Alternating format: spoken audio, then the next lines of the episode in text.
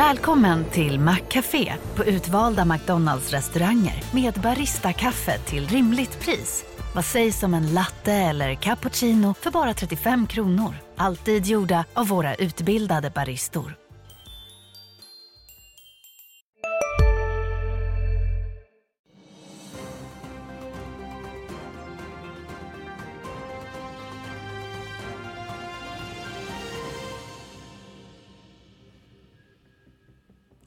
Det onsdag den 16 augusti. Välkomna till Börsmorgon. Oro över kinesiska ekonomins tillstånd får ledande asiatiska börser på fall och Wall Street sjönk på bred front igår. Stockholmsbörsen ser ut att backa runt en halv procent vid öppning. I dagens Börsmorgon tittar vi närmare på de surare börserna men letar vi stöd efter ljusare tider. Rapporterande Storskogen bommade förväntningarna medan New Wave rapporterade ett nytt rekordkvartal. Och med i studion för att prata om det här som ni såg och prata om mycket mer såklart Robert Oldstrand, Swedbanks aktiestrateg och DIs-analytiker Agneta Jönsson. Välkomna hit. Tack. Tackar. Det lyser ju rött på världens börser. Eh, igår så föll Wall Street över 1% på alla ledande index. Är det dags för en surare höst nu, Robert? Ja, det är, jag tycker det är för tidigt att prata om att vi kanske ska få en, en vändning och en, en surare eh, börs. Men en form av anhämtningspaus befinner vi oss i. Det har ju varit väldigt stretchat då i några segment i marknaden. Då inte minst i techorienterat. Då. Så att det pågår lite rotationer i marknaden, lite vinsthemtagningar. Får se då hur djup och, och bred den blir. Då. Men säsongsmässigt så brukar det vara lite stökigt i den här perioden. Vi ser också, det är ju många faktorer i spel här. Vi ser att dollarn har ju stärkts rejält den senaste tiden och börjar på se också att räntorna, särskilt långräntorna, tickar uppåt. Så att det implicerar väl en, kanske en liten oro för att inflationen kan ta fart igen om man börjar på diskutera kanske dubbeltopp i inflationen, inte minst i USA, att vi får högre räntor en längre period. Sånt här väger samman då att vi får se lite vinsthemtagningar då. Se om det blir något mer allvar av det då. Men, men uppenbart är att Eh, vi ser att eh, aktier, särskilt då eh, det som är kopplat till lite ränte, mer räntekänsligt, det börjar på få lite problem nu när, när långräntorna har stuckit upp här ganska mycket den senaste tiden. Mm, vi ska ju prata mer om eh, Fed lite senare för vi får ju också eh, protokollet från senaste mötet här i kväll. Samtidigt så får vi hot om nya kreditsänkningar nu varnar ju Fitch med sänkta betyg för flera amerikanska banker. Eh, nyligen så nedgraderade man ju också USA. Agneta, bör vi dra öronen åt oss? Nej, det tycker jag inte. Jag tror inte det är så farligt. De har ju, de har ju höga betyg så att säga i utgångsläget och det som man varnar för det är ju att man ser problem inom den kommersiella fastighetsmarknaden. och det är ju någonting som vi har pratat om ganska länge nu i de amerikanska storbankerna. De amerikanska mindre regionala bankerna och så hade ju sina problem vilka vi så aktualiserades under våren här. Så att där är lite annorlunda. Men jag tror inte att, vi, att detta är liksom sänkningar, startskott till någon global eh, bankhärdsmälta så att säga utan Eh, lite mer avvaktande men inget jätteproblem. Mm. Och vi ska ju prata lite om de eh, svenska nätbankerna lite senare här i programmet. Men innan vi gör det eh, så har vi fått eh, flera rapporter här på morgonen. Jag tänkte att vi ska börja med profilklädesbolaget New Wave. Eh, bolaget levererar ett nytt rekordkvartal men marginalen den sjunker. Rörelseresultatet ökade till knappt 364 miljoner kronor under andra kvartalet. Nettoomsättningen den ökade med närmare 300 miljoner miljoner till 2,3 miljarder. En tillväxt på 14% eller 9% i lokala valutor jämfört med jämförelsekvartalet. Omsättningen inom segmentet eh, företag ökade medan sport och fritid samt gåvor och heminredning minskade. Torsten Jansson, New Wave fortsätter överraska men det ser inte lika ljust ut längre. Ja, men I absoluta tal då så, så växer de och det som, som sagt det ser ju bra ut. Då. Förväntansbilderna inför kvartalet och man kanske inte nådde upp det hela vägen även om det är konsensus är lite tunt. Då, då. Men jag tror att vad marknaden kommer ta fasta på här då, det är ju hans kommentarer om utsikterna vi har sett i rapportperioden. Försiktiga uttalanden har straffats kursmässigt. Så att, mycket möjligt att det är det då som, som marknaden tar till sig i den här rapporten. Vi ser väl också att det har ju varit en oro för marginalen, om de är ihåliga eller ej. Då. Och en liten, en, även om det är över deras mål så var det ju åt fel håll. Det kanske utvecklades lite grann då, eller marknaden kan ta till sig då. Så det är väl rimligt att tro att vi kan få en negativ kursreaktion i, i aktien då. Samtidigt då så pratar man ju om att ta marknadsandelar. Man är ju en styrkeposition här så att det finns ju utrymme att utnyttja den fina balansräkning man har och titta på förvärv då som som sagt eh, man inte har gjort på bra länge. Så det finns ju möjligheter att växa, det gör det ju. Mm. Sen får man lägga till det att aktien har ju inte gått särskilt bra i år. Den är ju ner 12 procent redan mm. när vi startade handeln idag. Så att man har ju tagit höjd för det här med en sämre konsumentmarknad till en eh, viss del här. Så att det är klart att det, man ser att det ligger i, i, den biten. Sen är det ju också den här delen med profilkläder och hur företag mm. agerar. Den delen gick ju bra nu i det här kvartalet och där kanske man också kan vänta sig att det blir lite mer avvaktande om företagen överhuvudtaget mm. också får det lite tuffare. Mm. Men hur mycket kan man använda New Wave som en konjunkturspanare och liksom hur konsument och företag mår? Går det att säga något om det? Ja, jag, jag tycker ändå New Wave är lite ett eh, specialfall när det gäller då konsumentefterfrågan. Visst kommer de påverka men samtidigt då även om marknaden i sig då skulle minska eller att det blir dämpat så, så har man ju kunnat tagit marknadsandelar tidigare. Man har en helt annan, annan eh, profil på så sätt. Och särskilt om det, vi såg ju här under tiden då det, det var logistikproblem, då tog man ju väldigt många marknadsandelar för man sitter på det här lagret som är egentligen eh, trendokänsligt då. Eh, utan eh, då kunde man ju utnyttja det och, och ta marknadsandelar. Så att jag, visst, de, de verkar ju en konsumentrelaterad bransch då. Så att det, på marginalen så är det ju såklart negativt om det är pressade konsumenter. Men jag tror att det, det, det är kanske fel bolag att titta på då. Mm. Eh, vi ska eh, prata mer om och framförallt med bolaget lite senare. New Waves, Torsten Jansson är med strax efter börsöppning. Eh, först så ska vi prata nu om konglomeratet Storskogen. Även där fick vi en rapport med en lägre omsättning och ett lägre resultat än väntat under andra kvartalet. Där justerade rörelseresultatet uppgick till 922 miljoner. VD Daniel Kaplan beskriver marknadsförutsättningarna som fortsatt utmanande. Industri kommer ju från en väldigt, väldigt stark industrikonjunktur och jag ligger fortfarande på bra nivåer. Sen ser man en marginell försvagning kanske av orderintag och sådär men i grund och botten är det ganska stabilt där. Och handel har ju nu, befinner sig i en lågkonjunktursituation kanske man kan säga. Där, där våra kunder har det väldigt tufft. De eh, har försökt få ner sina lager och nu när de har fått ner sina lager i vissa fall så, så beställer de inte mer. Utan där kan vi se att de har det tuffare än vanligt. Men å andra sidan så har handel då jobbat ganska hårt för att behålla sina marginaler och eh, eh få ut, eh, sänka sitt eget rörelsekapital som man binder. Då. Så det har blivit ett, det är ett väldigt starkt kassaflöde i kvartalet så det är vi glada över. Och vad betyder det här för er del? Kommer ni fortsätta jobba med skuldsättning och reducera kostnader? Ska mm. vi börja förvänta oss fler förvärv igen? Eh, jag tror att vi fortfarande har eh, sänka skuldsättningen som högt upp på vår agenda. Eh, så det kommer att vara en av våra första och största prioriteter. Så att vi kommer nog fortsätta ha ganska, vi får inte guida på resultat men vi, jobbar med kassaflödet och det kan vi säga att vi, vi kommer att ha ett bra kassaflöde tror jag, under hösten och sen så kommer ambitionen att vi ska sänka vår skuldsättning till den nedre delen av spannet då, mellan 2 till 3 som är räntebärande skuld genom ebitda. Mm. Så det, det, är fortfarande det viktigaste för oss. Och hela den intervjun finns på di.tv. Vad säger ni, är det rätt prioriteringar vi ser här från Storskogen att man ska fortsätta minska skuldsättningen? Man har ökat på kassaflödet rejält under det här kvartalet. Ja, jag tycker ju det. Och det, det som, som inte nämndes där men som också står i rapporten det är ju att nu har man sett till att man inte har några obligationsförfall här under 23 2024 vilket gör att man kan jobba lite lugnare också så man har inte den eh, pressen på sig att behöva refinansiera det. Mm. Ja, men samtidigt så tycker ju S&P fortsatt att, att det finns en risk just eh, kopplat till eh, de liksom, finansieringen i bolaget. Men det, det så länge du inte behöver gå ut och be marknaden om nya pengar mm. så är det inte på samma sätt som det är mycket jobbigare om du får en nedgradering eller en osäkerhet från ratinginstitutet samtidigt som du behöver ta in nya pengar på obligationsmarknaden. Men det vi ser nu också med Storskogen är att det är ett så pass nytt bolag som har förvärvat under väldigt rask takt. Så de bolag de har i sin portfölj har man ju inte heller haft genom en konjunkturcykel. Så det gör ju också att det är lite svårare att bedöma hur man handskas med det här och om man har riktigt den här vanan att handskas med bolag när det börjar bli uppförsbacke. Robert, vad säger du om Storskogen? Nej, men lönsamheten är ju rätt okej okay ändå. Man är strax under deras mål där på, på 10 procent. Och som du säger, kassaflödet var bra. Jag tror också det är väl ett bra, bra eh, att jobba ner, eh, heter det, eller banta balansräkningen är ett bra sätt att gå. Men sen har man, har man 2 miljarder i kassa och så har man en ganska stor och utnyttjad kreditlina.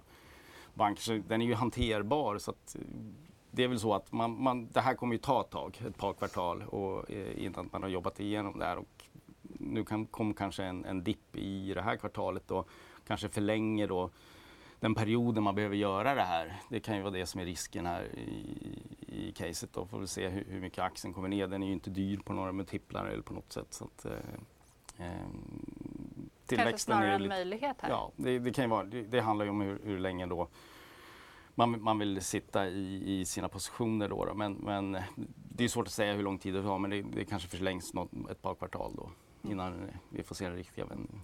Så det man som framkommit idag så känns det att man kanske inte behöver kasta sig Nej. över den här aktien utan ta det lite lugnt och den har ju kommit igen väldigt bra också.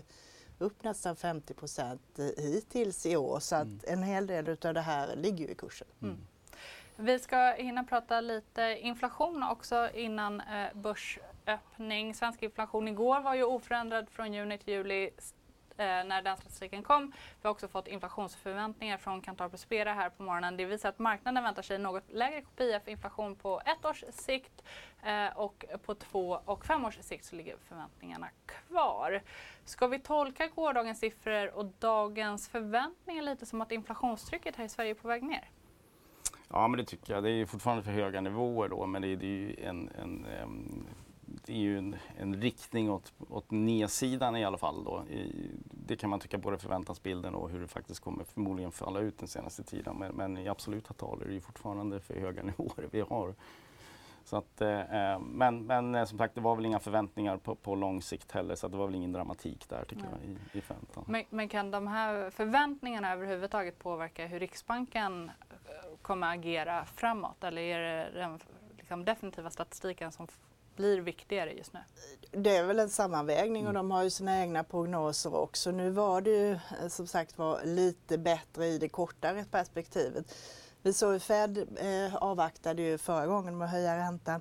Nu är frågan då, kommer Riksbanken höja här den 20 september eller inte? Än så, så länge lutar det väl att man gör det för man har ju också den svaga kronan mm. lite att ha i bakhuvudet här också. Mm. Ja, men, och Fed eh, som du säger pausade ju räntehöjningarna sist. Kanske får lite mer färg på hur de resonerade i eh, protokollet som kommer ikväll. Robert, vad kommer du hålla utkik efter? Ja, men det senaste då, eh, prognoserna från Fed implicerar ju en höjning till då. Men marknadens prissättning då är ju annorlunda. Där förväntas vi inte då se några fler eh, räntehöjningar då och räntesänkningar börjar på prisas in då nästa år eh, med start i juni om jag inte minns helt fel här.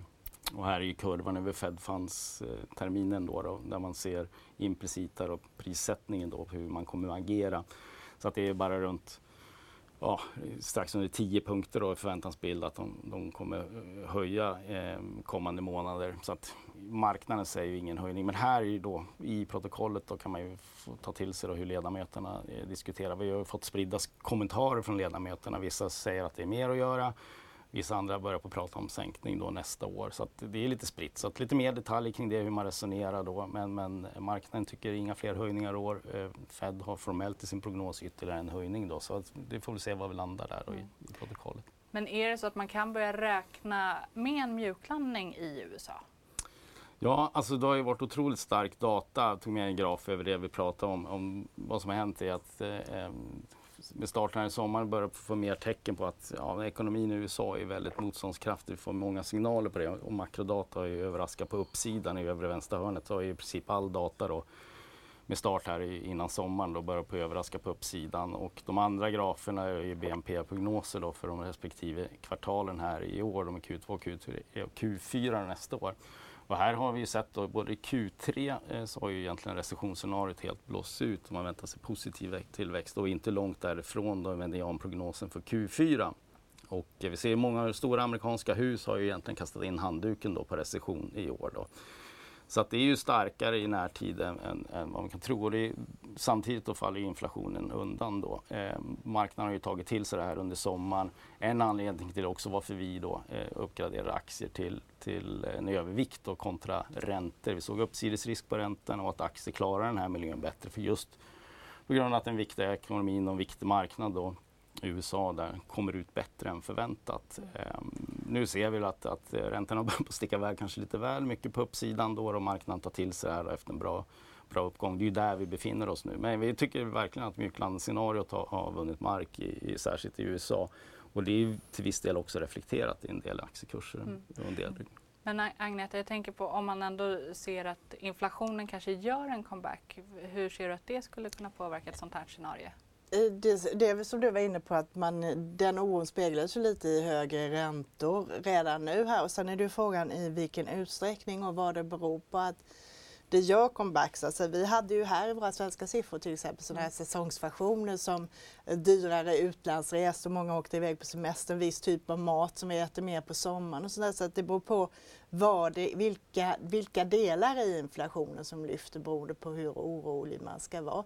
Och vi har väl även en del importerad inflation mm. via vår svaga krona också. Så att eh, du har många komponenter och det här men om man tittar den här stora bilden som du var inne på så börjar man se kanske att räntorna börjat hoppa. Vi får ändå se att vi kanske har en hygglig vinstutveckling så behöver inte det här vara jättenegativt för börsen utan då är mer tillbaka till bolagsprestationer och att det kanske har dragit en del i förskott så att säga på de amerikanska marknaderna. En del har kanske gått lite för mycket. Så lite lugnare utveckling, kanske läge för lite vinsthemtagningar här och var till exempel även på vårt OMXS30-index men en del bolag finns det fortfarande möjligheter att göra bra placeringar. Mm. Vi ska prata mer om det här efter eh, klockan nio för eh, klockan har slagit nio för någon minut sedan. Marknaden har öppnat. Vi ska över till Sofie Gräsberg som tar oss igenom starten på denna handelsdag.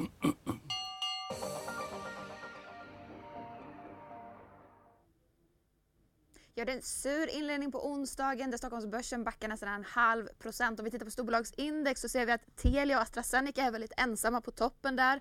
När 28 av 30 storbolag backar. Och i botten så hittar vi Sinch och SBB. Och vi ska givetvis ha lite extra koll på storbankerna idag. Nu så ser vi att de backar. Handelsbanken är ner 0,6 procent, även SEB. Swedbank lite lättare nedgång och samma för Nordea. Och det är ju intressant att ha koll på efter att kreditvärderingsinstitutet Fitch varnar för att de kan tvingas sänka kreditbetyget för ett dussintal amerikanska banker, däribland JP Morgan.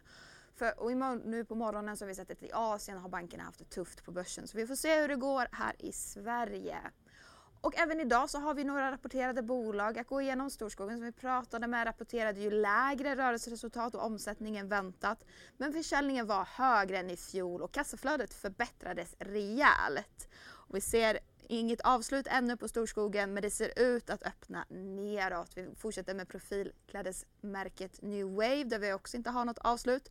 Men det ser ut att börja neråt. De redovisade ett högre rörelseresultat och omsättningen i fjol men marginalen sjönk något. Och så har vi några småbolag som har rapporterat. GIG stiger på sin rapport där de ökade resultatet och omsättningen. Sintercast nästan dubblade rörelseresultatet men de backar på Stockholmsbörsen precis vid början av handelsdagen. Och så har vi lite rekar. SEB sänker riktkursen på Hexatronic med dryga 50% efter gårdagens rapport. Men banker återupprepar köpreken. Och idag så ser vi att Hexatronic tappar ytterligare 1 H&M som tar sig upp här nu på, storbolags, på toppen av storbolagslistan. De har fått höjd riktkurs av Morgan Stanley. Och så kan vi säga att Sectra stiger 9% nästan. De har fått ett kontrakt i USA värt 2,4 miljarder kronor.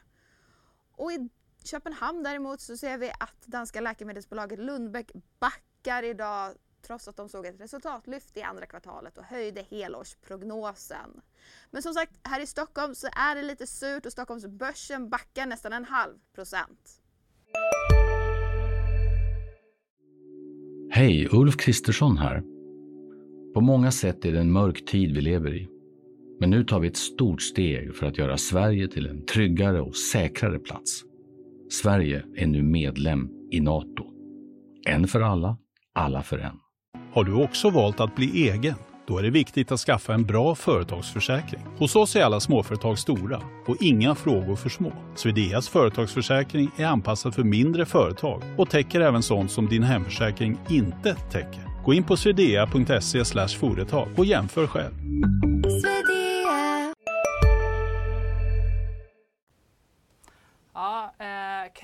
Ras där både för storskogen och för rapporterande New Wave som är med oss. Men först bara, vad säger ni om, om du, du spådde ner Robert men, men liksom Ja, tvåsiffrig ras. Det det är ju stora rörelser den här rapportperioden. Så, eh, men eh, aktierna är ju ner betydligt mycket mer än vad estimaten kommer komma ner. Så, så är det ju vad vi ser nu. Jag räknar med att det kommer vara volatilt under dagen. Då. Vi, Agneta tog upp eh, orderböckerna här. Det är ganska tunt här i, i, än så länge. Då. Så att, eh, jag vet, det, det kommer vara volatilt under dagen. Så vi får se om den stänger här eller ej. Då. Det återstår att se. Så det är väldigt mycket trading i aktierna nu och det finns tradingmöjligheter för de som är duktiga på det under sådana här dagar. Men vi har sett den här typen av reaktioner i bolag där det har en dålig likviditet i aktien samtidigt som du har någon form av besvikelse eller händelse. Så att det är inget nytt. Men det är klart eh, bolaget tappar 20% av sitt värde Mm. eh, rakt av. Det är klart att det är lite dramatiskt. Mm. Ja, nej, men Storskogen ner 18% New Wave ner 14 Så lite bättre för New Wave just nu men, men eh, aktiemässigt så, så eh, är det ju ändå rejäla tapp. Och vi får se hur dagen slutar också. Som sagt var, vi kommer se stora kast under dagen här. Och vi ska bjuda in eh, Torsten Jansson till samtalet. Eh, om vi börjar med att summera siffrorna för New Wave. Rörelseresultatet nådde ju faktiskt nya rekordnivåer på 364 miljoner kronor för andra kvartalet. Men rörelsemarginalen den sjönk till 15,8 procent. Bruttomarginalen i kvartalet blev 49,5 procent. Välkommen Torsten Jansson. Beklagar att aktiemarknaden inte gillar rapporten. Eh, marknaden blev ju svagare än vad du hade trott. Hur tycker du att Q2 har varit? Nej, men jag tycker vi har gjort ett eh, bra Q2. Det har blivit en mycket svårare marknad, framförallt på eh, sporthandeln, eller vad vi räknar med då. Eh, och du har ju, sportfackhandeln har ju gått ner här nu sex kvartal i rad enligt eh, HI. Så att jag är nöjd med det här kvartalet och att vi kan fortsätta öka trots stora ökningar de senaste åren. Tycker jag är, det visar vår styrka när det är tuffare tider. Men du guidar ju för en svagare marknad kommande kvartal. Kan du, kan du beskriva vad det är du faktiskt ser? Ja, det vi ser det är ju framförallt inom detaljhandeln att eh, där har många av våra kunder väldigt, väldigt tufft. Eh, profil har vi sett en viss inbromsning men den känns inte så allvarlig utan det är mer att om man tittar på slutkunder inom industri och så så är det full fart fortfarande. Sen tittar du på byggbolag och den sidan så har du bromsat en del av på yrkeskläder och så här. Men eh, det, det här är ju kanske en lätt bris jämfört med när pandemin kom som full orkan. Så jag är inte bekymrad på det sättet. Och med den balansräkningen vi har och den tillväxten vi har i kraft och de nylanseringar vi har gjort de sista åren så, här, så känner jag mig väldigt trygg att vi fortsätter ta marknadsandelar och det ska vi fortsätta göra också. Du beskriver det som en lätt bris, men ser du risken för att en storm är i antågande? Nej, det gör jag inte. Det gör jag inte för att nu är det på så många marknader och de är också lite olika då. Det här kvartalet var ju faktiskt tuffast i Sverige och USA. Uh, Men det finns ju marknader också, Sydeuropa till exempel, som går, går fortsatt starkt. Uh, Och sen i och med att vi har både profil och uh, retail som distribution så går inte de riktigt i takt heller. Så att ja, en, en lite mer utmanande marknad men inte värre än så. Hur är lagersituationen då? Fyller återförsäljare på lagren? Ja, på, på profil är det inget problem för att där, där är det egentligen vi som står för all lagerhållning och inte återförsäljarna. Eh, på retail då så sitter ju en del eh, av kunderna med ganska stora lager och det är därför jag tror det blir lite eh, svårare här nu under, under de här kommande två kvartalen för de vill ju dra ner sina lager först då. Eh, sen kan man säga att där vänder marknaden så kommer vi sannolikt ut som vinnare då också. Eh, för då är vi en av de få leverantörerna som faktiskt kan leverera.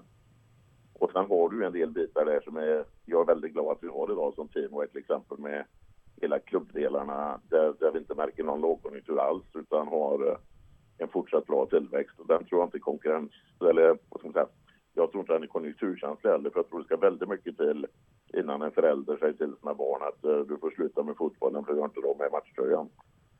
Så att, uh, ja, att allting tar stopp, det tror jag inte på.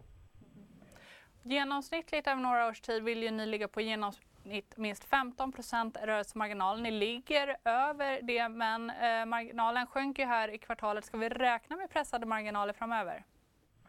Jag är nöjd om vi kan gå igenom det här med 15 procent och det har jag egentligen sagt hela tiden. Sen ska man komma ihåg att även om kvartalet sjönk något då från 17,4 till 15,8 så tittar man på halvåret så är det fortfarande faktiskt upp eh, på halvåret. Tidigare så har ni prioriterat att eh, bygga lager och öka nettoskuld. Ser du att er prioritering framöver är annorlunda? Vi noterar att ni till exempel har förbättrat kassaflödet även i det här kvartalet. Absolut. Alltså med, med tanke på att försäljningen inte har den tillväxten vi vill ha så har vi heller inte behov av ett lika stort lager. Så att där har vi ju svängt om nu och helt enkelt köper in mindre och kommer att minska lagret och, och kommer att gå ur det här året med ett starkt kassaflöde. Och, eh, ni har ju inte gjort några förvärv på tio år men nu eh, i närtid så har ni gjort två på nio månader. I kvartalet har ni förvärvat Tenson för eh, den eh, ganska modesta köpskillingen en krona. På vilket sätt passar de in i portföljen och när ser du att det här förvärvet kommer att lyfta resultatet? Eh, du kan säga att de, de passar jätte, jättebra in i, i vår varumärkesportfölj och vi har ju sagt det faktiskt i flera år att vi letar efter varumärken inom outdoor. Och där är Tensen ett slags varumärke både i eh, Skandinavien men också faktiskt starkt nere i Benelux och så vidare. Eh, sen har ju de haft en väldigt jobbig utveckling rent resultatmässigt och så här har ju sjungit, sänkt sin omsättning radikalt de senaste åren. Eh, men jag tror vi kan vända det snabbt och eh, jag tror det kan bidra till positivt resultatet från andra halvåret nästa år. Uh, och där tror jag också vi kan göra en resa med Penton som, som liknar den vi har gjort med Kraft. Där vi kan lägga ut det på marknad efter marknad och eh, uh, även då att det, produkterna i viss mån passar in för, då för både distribution på profil och detaljhandel. Så att det förvärvet är jag väldigt, väldigt glad för. Och i rapporten? Det tar ju de här 12 månaderna innan det får något genomslag i våra siffror. I rapporten skriver du också att du har lagt eh, mer tid och kostnader på att analysera olika potentiella förvärv. Ska vi i och med det räkna med att ni tänker fortsätta förvärva här i närtid? Eh, det hoppas jag. Nu ska jag inte ut och köpa vad som helst bara för att priset har gått ner. Men nu får vi ju en mycket, mycket, mycket mer inflöde av företag på rimliga värderingar som passar in i portföljen. Så att vi lägger ganska mycket tid på det. Sen Eh, känner inte jag någon, någon panik att vi måste förvärva på något sätt. För jag, jag känner att vi står starka som vi gör. Men, men klimatet för att, att göra förvärv nu är ju oerhört mycket bättre än vad det var för ett år sedan eller två år sedan. Stort tack Torsten Jansson för att du var med här i Börsmorgon. Ja, han eh, flaggar ändå för att det kommer bli en bris. Känner ni att det är förtroendeingivande eller oroande det som Torsten Jansson säger? Det går inte annat än att gilla Torsten. Han är, han är optimist men samtidigt lite re, realist också. Då. Men eh, känns ändå som att han har en, en plan för det här och ganska trygg i var New Wave befinner sig i dagsläget och det kan man ju ta fasta, ta, ta till sig då. Och jag, ty jag, tycker, jag gillar ju New Wave ur det perspektivet då. Ehm, de är, de är en speciell plats där i detaljhandelssektorn kan man säga. Mm. Och eh, marginalerna som har pressats här i kvartalet, eh, Torsten säger att han kommer vara nöjd om man tar sig igenom det här med marginaler på runt 15 procent. Eh, givet hur de har byggt upp lager och så och att de kanske är i ett litet eget segment. Ska man tolka det som sannolikt att, att det kan bli så? Den här marknaden har eh, kanske inte riktigt tagit till sig att de här marginalerna är ihållande då på sikt och det här kommer ju få, vi få bevisat då i kommande kvartalsrapporter då, då att han kan, kan göra det. Såklart att han siktar ju på det. Eh, återstår att se om man lyckas då. Det har ju varit lite eh, oro från marknadshåll att man inte kommer klara det då. Återstår att se då, men, men eh, han, är ju, eh, han verkar ju ha en plan att eh, då eh, försvara. Sen kommer det vara slaget från kvartal till kvartal. Vi har ju liksom man ska avveckla lager och sen kanske man ska fylla på dem. Så vi, vi kommer ju få se ett par slag i kvartal förmodligen här framöver. Mm. Eh, vi har ju hunnit prata en del om New Wave redan innan eh, vi hörde Torsten Jansson.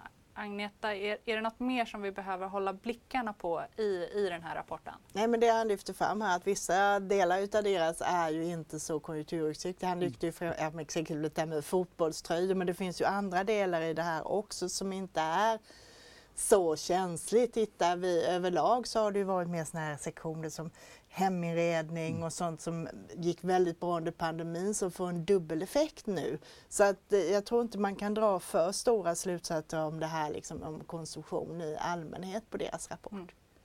Eh, det är ju eh, många som gillar New Wave. Robert, du sa vem kan inte gilla Torsten Jansson även om aktien har backat hittills i år. Ett annat bolag som jag vet att ni båda gillar men som har haft det kämpigt stampar verkligen kursmässigt det är ju Securitas. Och Robert, du har med dig det här som case idag, även om vi faktiskt får säga till er uppmärksamma tittare att det här eh, bolaget har ju hunnit kortas i programmet i denna tre dagar långa börsmorgonsäsong. Eh, vad är det du gillar om vi börjar där Robert?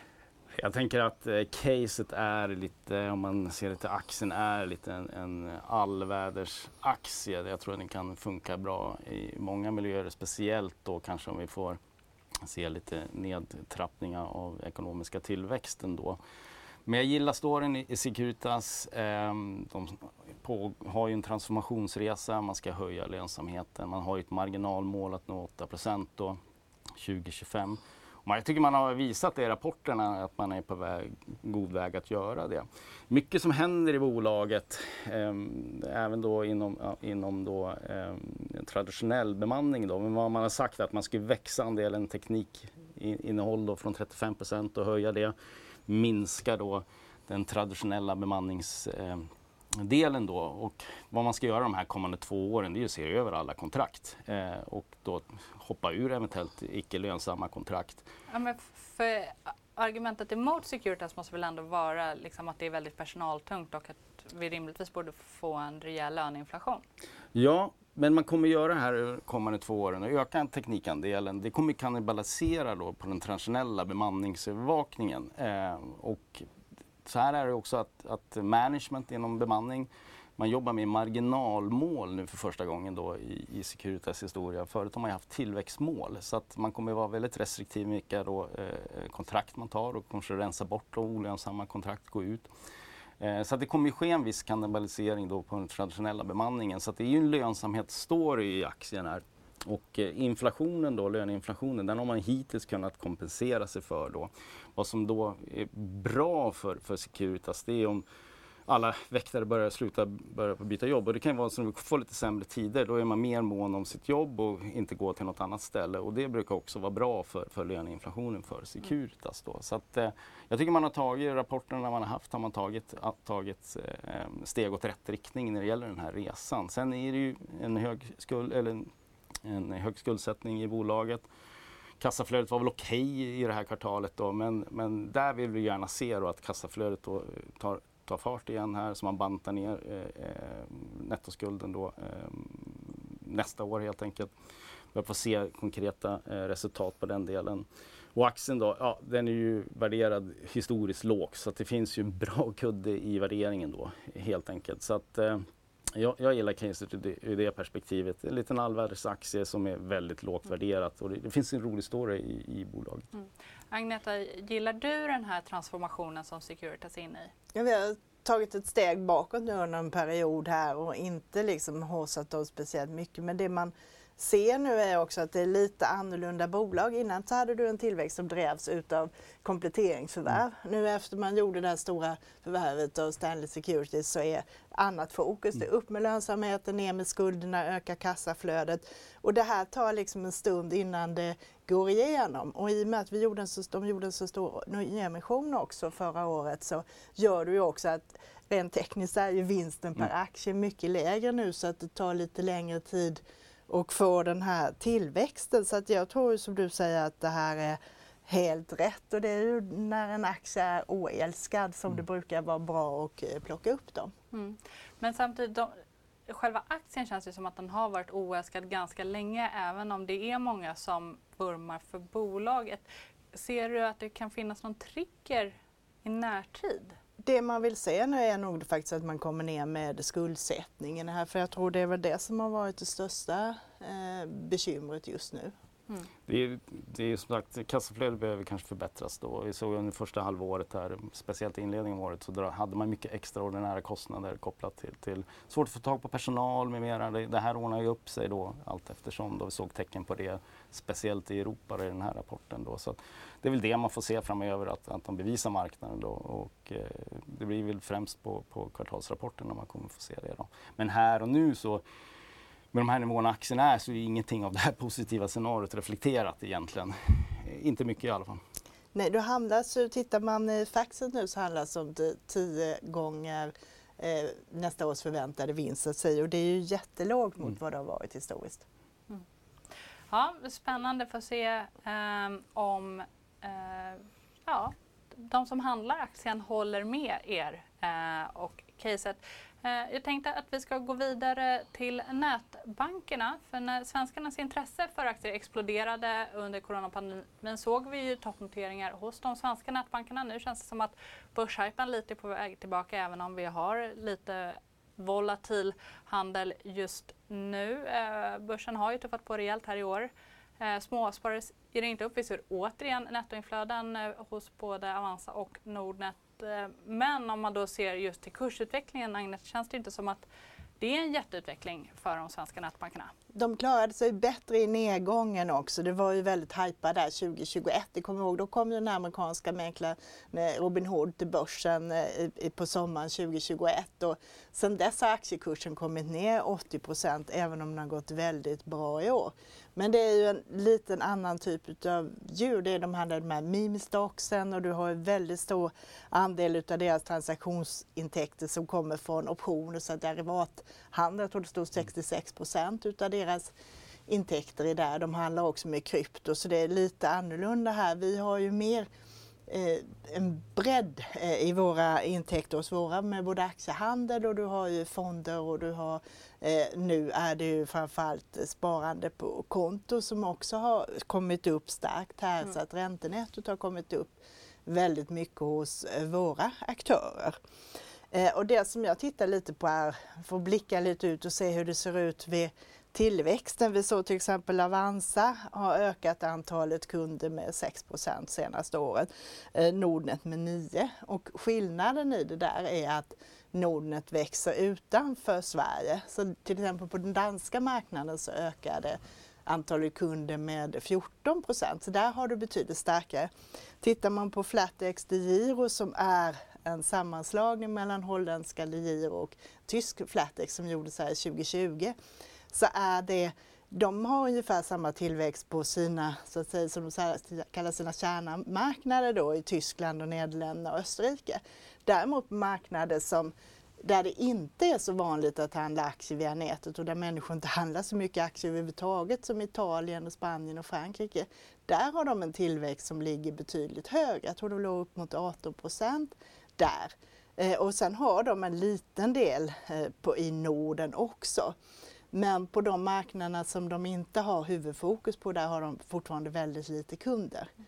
Så vad kan man säga, eller eh, min första fråga är, ser du att liksom Flatex de Giro och Robin Hood, eh, att de kommer göra intåg på svenska marknaden och faktiskt utmana Avanza och Nordnet? Jag tror att, eh, jag tror att det i så fall kommer att dröja. Robin Hood tror jag ligger väldigt långt bort innan de gör någon entré här utan det var snarare Storbritannien de hade fokus på som eh, sin nästa marknad här. Så att de har nog eh, fortfarande jobb med att utveckla sin egen affärs eh, modell. Mm. Eh, man till exempel köpte man nu ett kreditkort, fintech kreditkortbolag här i juni där man tänker addera kreditkort i sin marknad. Och de har lite annan modell också, till exempel de har såna olika typer kunder får betala till exempel 5 dollar i månaden om de vill ha möjlighet att få en högre ränta på inlåning.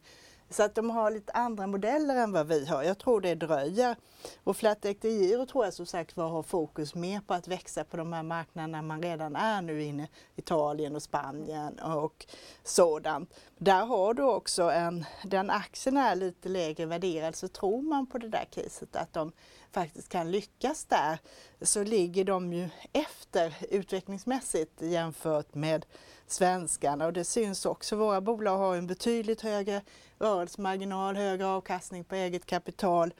Men samtidigt så har värderingarna kommit ner ganska mycket mot vad det har varit historiskt. Så jag tycker det ser ganska okej okay ut faktiskt. Ja, men så, så vad är slutsatsen? Är det att liksom fortsätta stanna här i Sverige, satsa mer på Avanza och Nordnet eller ser du att det, att det kan finnas en högre möjlighet till avkastning om, om man blickar mot de utländska utmanarna? Det, det är lite olika delar. Vi har köprekommendation på Nordnet nu som tycker sig är den som ser bäst ut om man ser på den svenska sidan om man bara ska välja en där du har den här tillväxten i Norden, det tackar på, man har bra eh, siffror.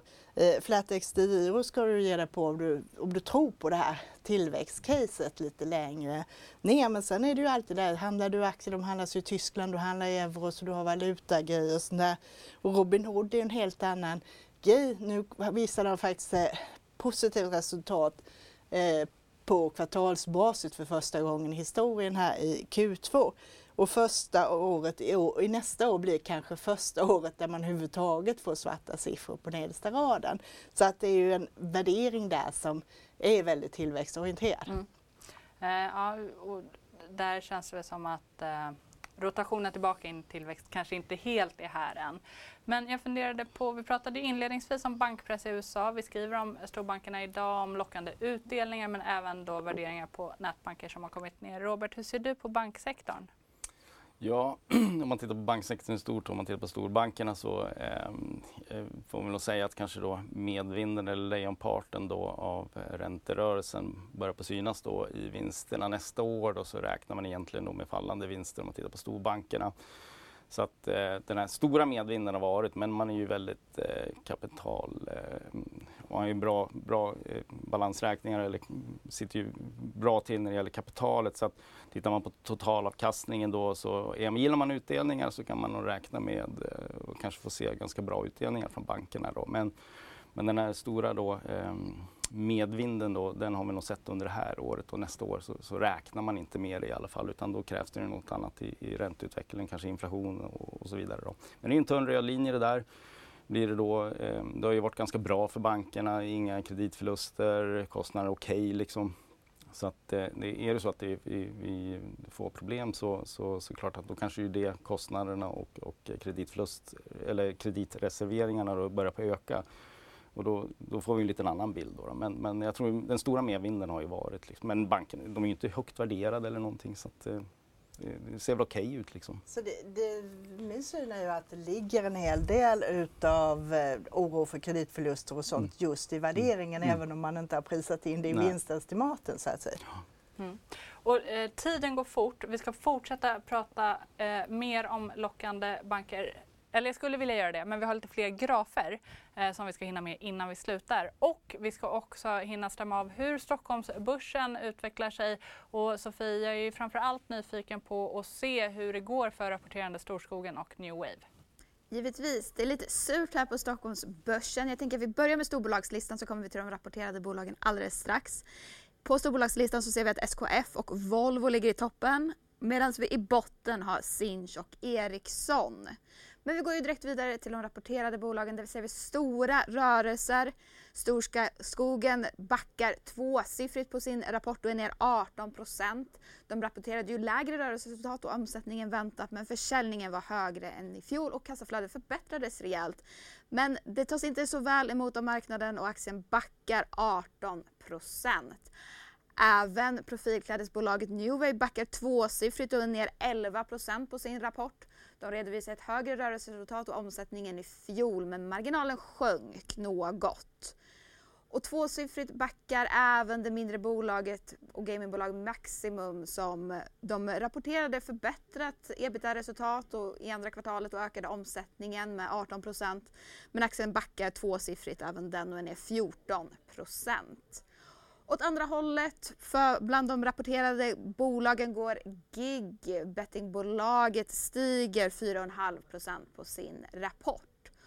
Men om vi ska titta mer bland dagens vinnare på Stockholmsbörsen så får vi titta utanför de rapporterande bolagen. Då har vi bland annat medicinteknik och cybersäkerhetsföretaget Sectra som stiger 6% efter att de har tagit in en amerikansk order värd 2,4 miljarder kronor. Och så har vi lite rekar att kolla. SEB sänker riktkursen på Hexatronic med dryga 50% efter gårdagens rapport.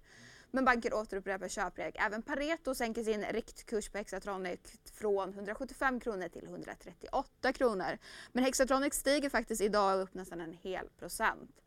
Och så skulle vi ha koll på storbankerna idag. De har faktiskt repat sig en hel del den här första halvtimmen. Swedbank är till och med upp och det är extra intressant att ha koll på storbankerna just idag när kreditvärderingsinstitutet Fitch varnar för att de ska tvingas sänka kreditbetyget för ett dussintal amerikanska banker och det har ju påverkat bankerna i USA såväl som i Asien. Men här i Stockholm så har de repat sig en hel del och rör sig i stort i linje med Stockholmsbörsen i stort som backar 0,3 procent. Mm, stort tack för det Sofie. Ja, eh, lite som ni är inne på att, att det kommer vara bra för banker då här i närtid.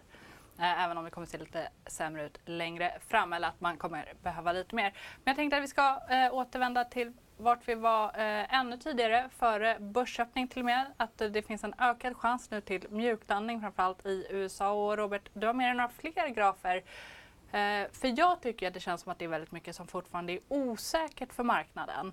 Att det är många frågetecken som liksom bara dras ut. Men du, du tror att det finns en uppsida här i aktier? Nej, men jag håller med dig. Visst finns, finns det många saker som är osäkra i marknaden. Många faktorer i spel och efter rapportperioden också så har vi inte blivit så mycket klokare just på utifrån vad företagen säger. Det är mycket försiktigt. Prognoser ändras hela tiden då. då. Men vi ser att aktier här under sommaren har ju klarat sig relativt bra, tagit fart då i vissa segment i marknaden då som har drivit på eh, eh, marknaden uppåt här och det här tycker jag är intressant då.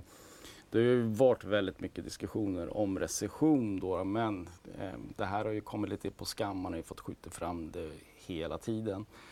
Och faktum är då det som har lett marknaden uppåt då den senaste tiden då, det är ju cykliska sektorer som har drivit på, eh, gått ganska starkt och överpresterat då. Eh, defensiva sektorer, det eh, vittnar om att marknaden börjar på tro mer på mjuklandningsscenariot. Det sitter ju lite grann i kurserna här och var också. Men de har ju varit verkligen drivande då i, i den senaste tiden och det skulle det inte vara då om marknaden på allvar var, var orolig för, för recession. Så att, fördel cykliskt kan vi säga den senaste tiden. Nu ser vi att vi är någon form av andhämtningspaus så det kan ju komma lite rotation eh, kring det. Då.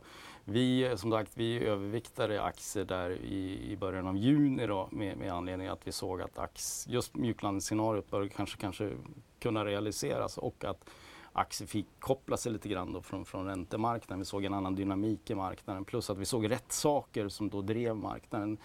Eh, och det är därför vi, vi gillar aktier kontra räntor. Ett globalt ränteindex är ju faktiskt snart på negativt territorium i år medan aktier har klarat sig rätt bättre om man tittar på, på första halvåret. Här. Mm. Um, Agneta, håller du med? Är det, är det fördel aktier i det här läget?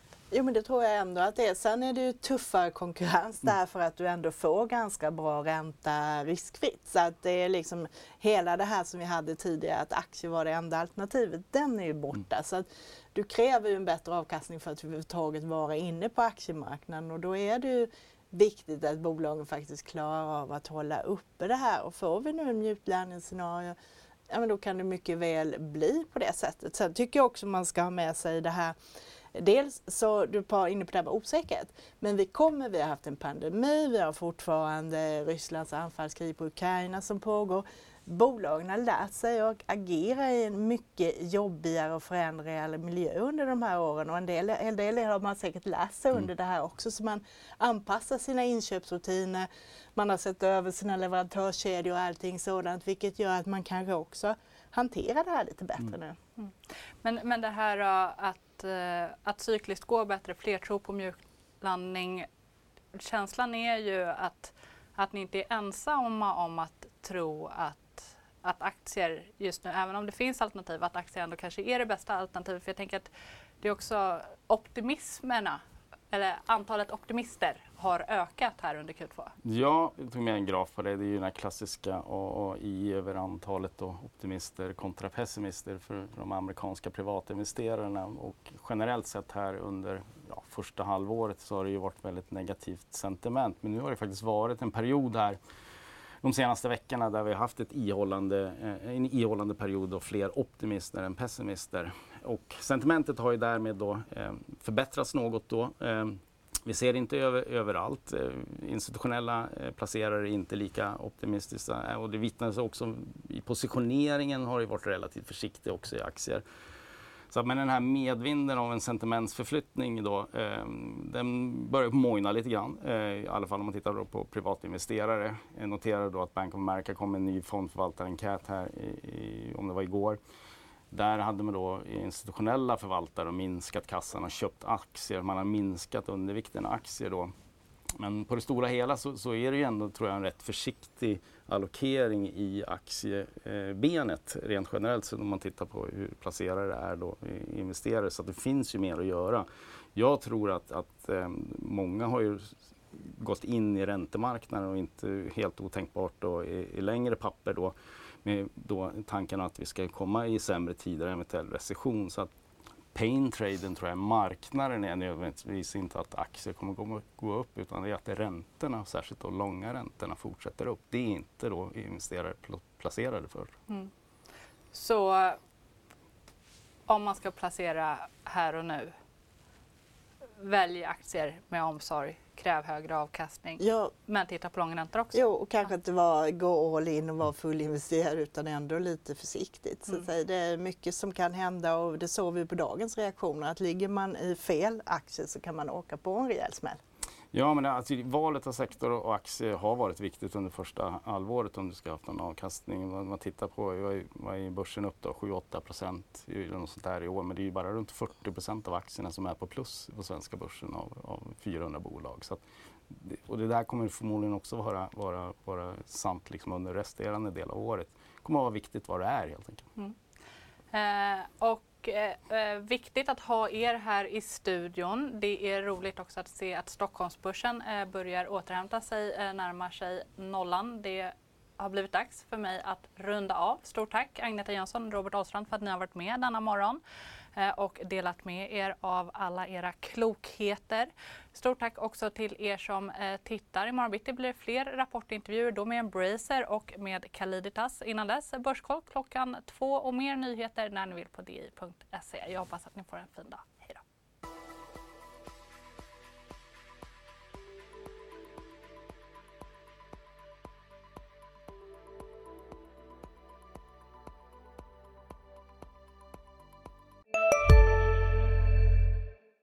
Hej, Susanne Axel här. När du gör som jag och listar dig på en av Krys vårdcentraler får du en fast läkarkontakt som kan din sjukdomshistoria. Du får träffa erfarna specialister, tillgång till lättakuten och så kan du chatta med vårdpersonalen. Så gör ditt viktigaste val idag, lista dig hos Kry. Ni är med om det största och det största är den minsta. Ni minns de första ögonblicken och den där blicken gör er starkare. Så starka att ni är ömtåliga.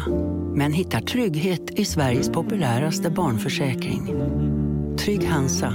Trygghet för livet.